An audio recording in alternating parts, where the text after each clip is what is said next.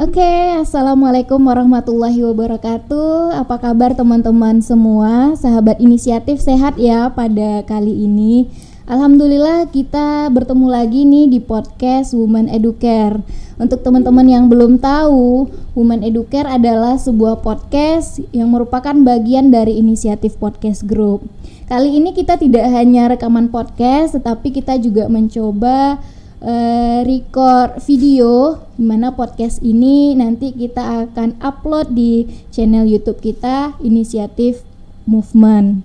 Jadi pada kali ini di podcast Women Educare kali ini kita kedatangan bintang tamu. Biasanya kan kita monolog beberapa episode belakangan. Jadi sekarang kita coba uh, berdialog dengan uh, narasumber kita pada kali ini. Nah, sebelum itu mungkin uh, kita bisa kenalan juga sama uh, narasumber kita, bintang tamu kita yang memang uh, sepertinya sangat inspiratif gitu, yang bisa menginspirasi perempuan-perempuan yang lainnya nantinya.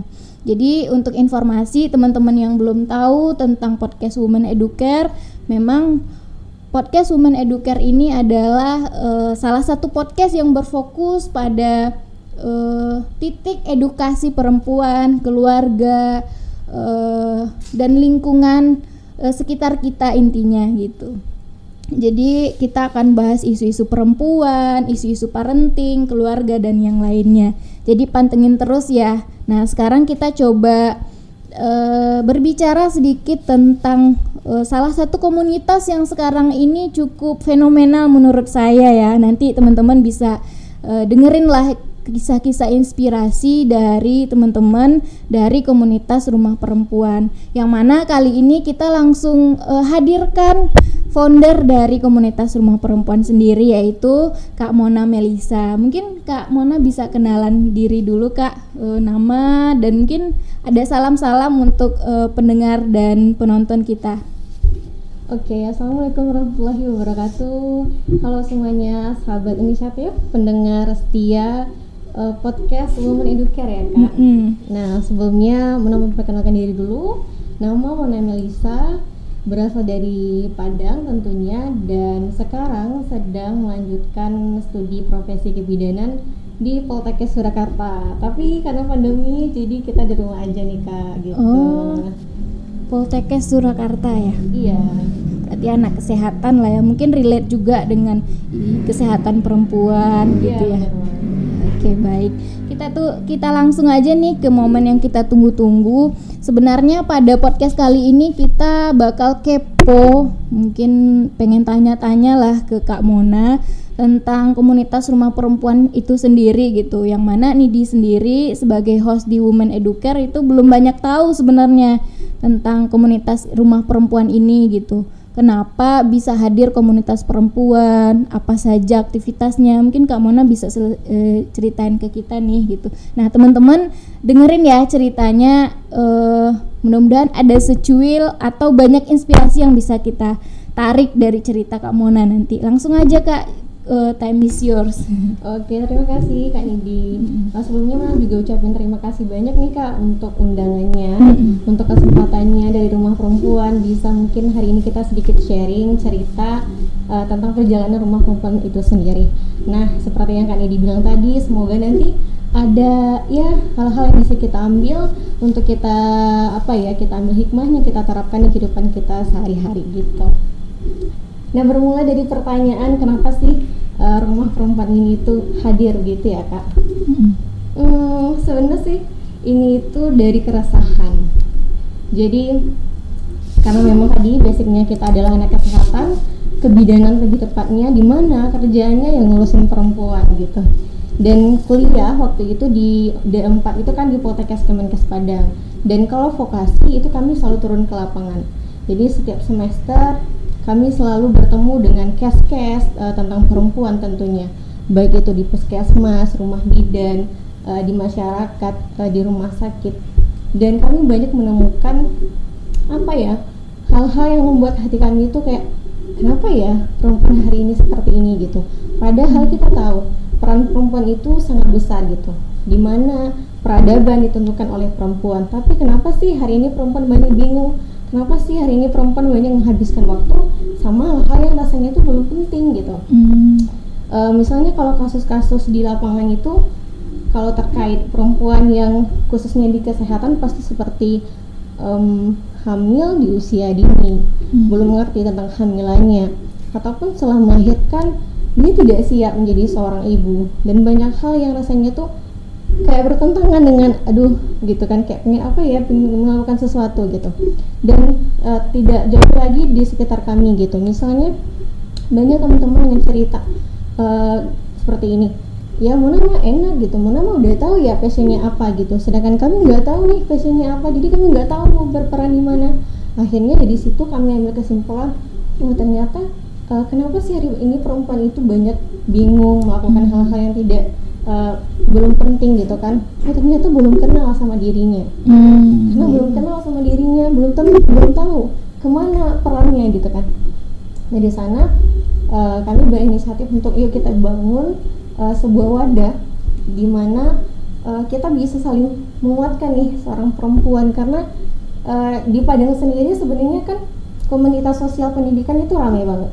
Ke mana-mana kalau misalnya mau ikut uh, volunteer itu ya fokusnya pendidikan fokusnya sosial. Hmm. tapi tidak ada nih uh, teman-teman yang fokus sosial kesehatan tapi ke perempuan. Hmm. belum ada gitu.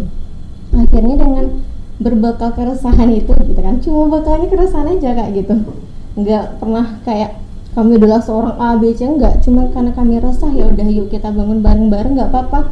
Kita mulai dengan Bismillah aja semoga ini jalan yang Allah bukakan untuk kita gitu. Nggak mungkin keresahan itu ada tanpa maksud gitu kan. Nggak mungkin Allah berikan kita keresahan tanpa Allah pengen kita melakukan sesuatu. Akhirnya dari sana. Uh, kita bangunlah bareng-bareng kita berlima. Kita hmm. duduk ngopi gitu kan. Kita kalau ngopi gitu kan bahasnya tadi kasus apa nih? Ya ini nih ibu ini. Hmm. ternyata seperti ini. Hmm. uh, dia uh, ditanyain sama dokter kenapa? Apa keluhannya? Dia diem. Yang jawab ibunya padahal yang hamil anaknya. Hmm, gitu. atau misalnya uh, apa? Ada nih anak remaja datang ke puskesmas terus uh, mengeluh. Mengeluh sakit emah misalnya. Terus ditanya deh sama dokter kenapa? gitu kan. Hmm, dia males makan gitu uh, makannya telat dan segala macam. Terus digali lagi ternyata masalahnya apa? Dia punya masalah sama temannya di sekolah. Artinya apa? Ternyata kesehatan reproduksi itu yang kita pikir hanya tentang penyakit menular seksual ternyata enggak karena sebenarnya menurut WHO kesehatan reproduksi itu sehat secara fisik, mental, sosial. Jadi fisik, mental, sosial itu adalah tiga hal yang berkaitan. Makanya sekarang concern kami itu memang adalah hmm, sosial kesehatan lebih tepatnya ke kesehatan reproduksi gitu. Oke, itu ya penjelasan dari Kak Mona. Intinya memang sebenarnya kondisi perempuan sekarang masih banyak uh, yang belum tahu siapa dirinya, hmm, bagaimana dia seharusnya, bagaimana cara menjaga dirinya. Terbukti dengan banyaknya kasus-kasus itu tadi kan. Jadi karena Mona mungkin melihat secara langsung ya, ya menemukan secara langsung mungkin tiap hari ada kasus ini, kasus ini. Kenapa nggak kita buat wadahnya hmm. gitu. Nah, barangkali wadah ini nanti bisa menjadi media lah media edukasi kah atau media kontribusi secara langsung kah gitu. Kalau ini apa tuh kak?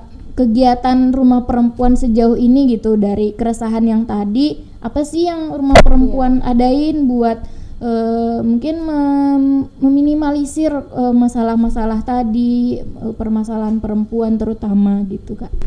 Iya, nah jadi kan sebenarnya rumah perempuan ini tuh baru banget ya kak jadi hmm. Hmm, Februari 2019 gitu hmm. usianya masih kecil banget itu satu tahun dua tahun ya dua satu tahun ya ampun masya allah masih satu tahun hmm. gitu nah kalau anaknya satu tahun kan masih kayak belajar jalan belajar ngomong jadi hmm. emang harus banyak belajar Nah di 2019 sendiri kami berfokus pada edukasi gitu, di mana kami mengadakan beberapa program uh, terkhususnya untuk media sharing, media edukasi gitu. Hmm. Pertama itu ada namanya kuliah WhatsApp, di mana itu udah diadakan dua kali. Um, yang kedua itu ada berkiprah, hmm. ber, berkisah bersama rumah perempuan. Hmm. Di sana waktu pertama kali itu kami bahas tentang muka pengasuhan kalau tidak salah. Jadi kami menggali lah perempuan-perempuan uh, yang banyak gimana ya maksudnya kenapa sih hari ini tuh banyak perempuan mulai aware tentang parenting gitu kan ternyata karena apa? Karena merasa bahwa ini ada sesuatu yang salah dengan diriku gitu. Hmm. ternyata digali oh uh, bisa jadi ada luka trauma-trauma ketika kecil entah di, itu di keluarga atau di lingkungan yang ketika udah dewasa apalagi nanti menjadi ibu itu akan semakin menguap gitu. Hmm. maksudnya menguat di sini itu tanpa sadar dia marahi anaknya tanpa sadar dia tidak bisa menyelesaikan tugasnya di rumah tangga. Kenapa? Ternyata bermasalah tadi yang tidak disadari. Nah waktu itu dari Kipra kami mengangkat uh, cerita tentang itu.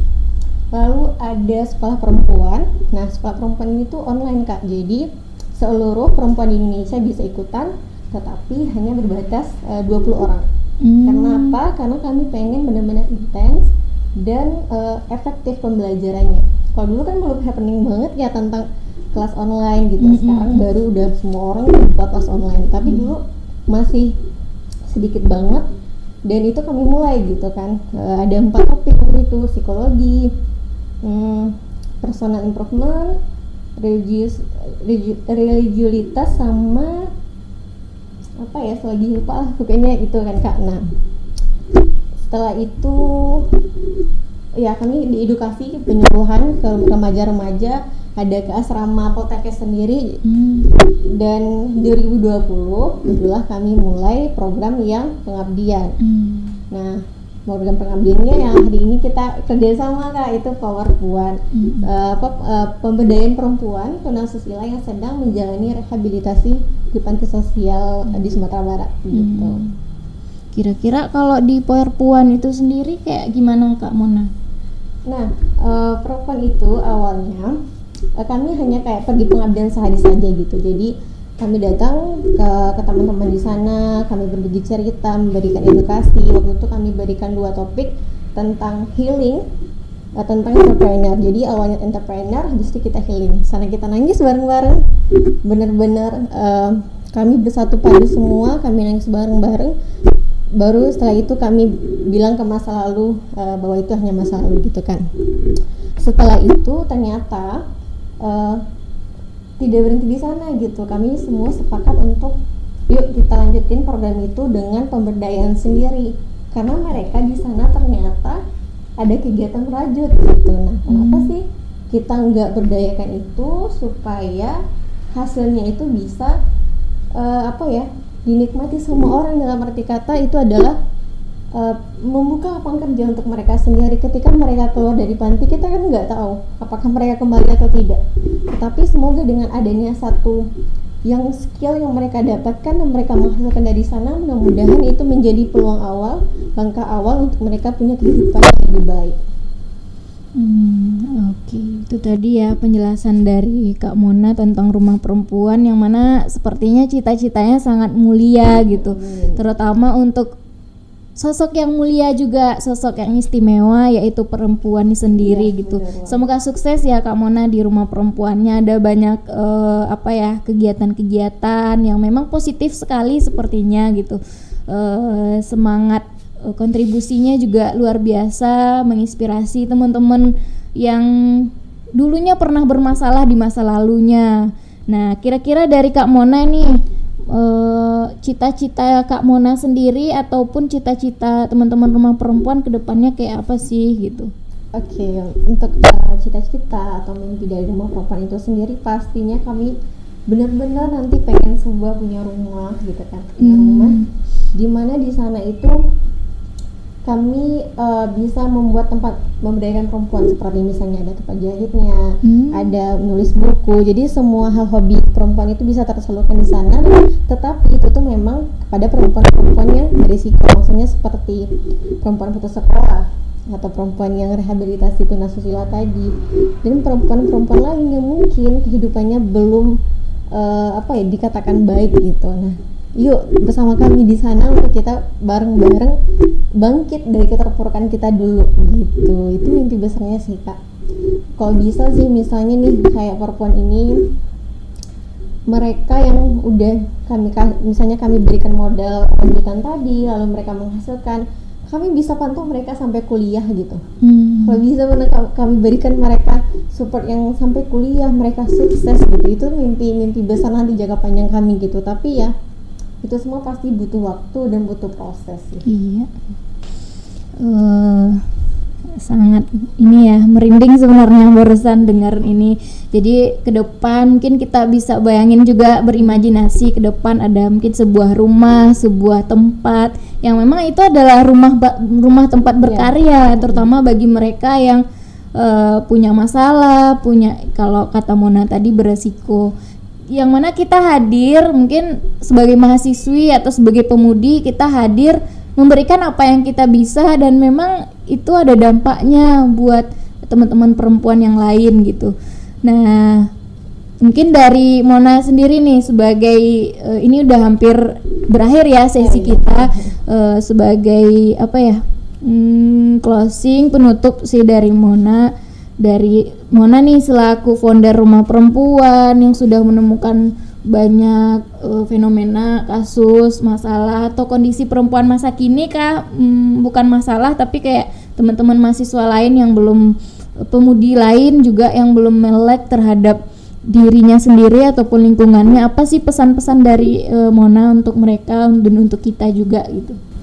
Oke okay, untuk teman-teman semua seluruh perempuan di luar sana uh, mungkin gini Mona uh, apa yang mendengar quotes dari Bung Hatta kalau kita mendidik satu laki-laki itu artinya kita mendidik satu orang.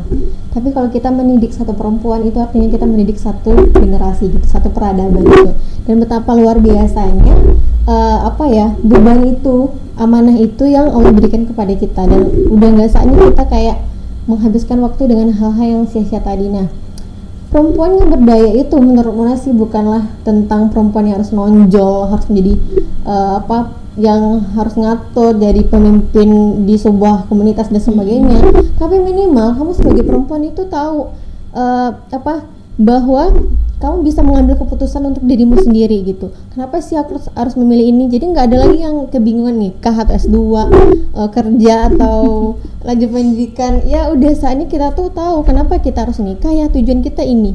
Mimpi kita ke depan ini visi kita ini. Jadi yuk bareng-bareng teman-teman seluruh perempuan jangan pernah lelah untuk belajar dan memberdayakan dirimu gitu. Karena apa? Karena tugas kita yang begitu besar dan apa ya dan kita masih yang sibuk dengan hal-hal yang belum penting rasanya ya wajar kalau nanti tuh kita gagap dengan peran itu gitu. Jangan sampai seperti itu. Dan ya berdaya itu cukup kamu tahu dengan apa mimpi kamu ke depan gitu. Coba dia tanya sama diri kamu kamu udah tahu belum sih mimpi kamu ke depan apa? Visi kamu ke depan apa? Tujuan kamu ke depan apa? Dan banyaklah belajar, banyaklah mencari pengalaman, banyaklah bercerita dengan orang lain, banyaklah pergi ke banyak tempat gitu ya. Karena uh, setiap hal, setiap pengalaman itu selalu mengajarkan, memberikan pelajaran-pelajaran yang baik untuk kita. Nah, itu sih mungkin. Oke, ini sangat dalam banget ya. Uh, mungkin secuil pesan dari uh, Kak Mona untuk kita, terutama para perempuan pemudi lah gitu. Sebenarnya nggak zaman lagi nih kita baper sama diri sendiri galau. Ya, tapi iya udah saatnya tuh kita mikir diri kita untuk ke depannya dan juga untuk orang lain gitu apa yang bisa kita perbuat. Nah sebenarnya ada quotes juga nih dari Bung Karno kalau nggak salah ya. Hmm. kondisi suatu bangsa suatu negeri itu tergantung kepada perempuannya. Anggaplah satu uh, anggaplah se satu pemimpin daerah gitu. Dia punya istri uh, yang uh, karakternya bobrok tentu berpengaruh sama performanya si pemimpin daerah ini gitu. Itu mungkin peranan kecil yang uh, sangat berdampak gitu. Jadi sebenarnya memang kita cuman satu orang cuman yakinlah kita masing-masing ketika kita perempuan satu terus perempuan lain juga punya mindset yang sama kita bersama berkolaborasi menciptakan karya-karya bersama perempuan lainnya uh, seminimalnya untuk diri kita sendiri ya Kak Mona ya. Oke, okay, sepertinya setelah ini kita harus eh, banyak-banyak belajar seperti pesan Kak Mona tadi, harus banyak mencari uh, ilmu-ilmu baru untuk persiapan uh, kita sekarang dan masa depan kita.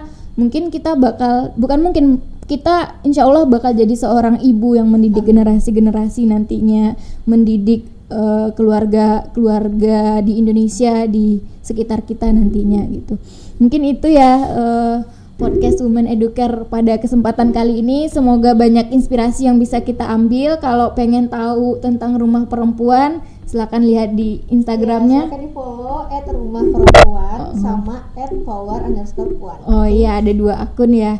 Nanti bisa kepoin atau mau tanya lebih lanjut, kita uh, ngobrol di sana aja nanti. Dan uh, mungkin sekian ya podcast Women Educare next episode kita bakal eh, bincang-bincang uh, lagi tentang perempuan.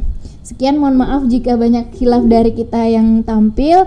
Uh, saya akhiri assalamualaikum warahmatullahi wabarakatuh. Terima kasih Kak Mona yang sudah hadir. Ya terima kasih juga Kak.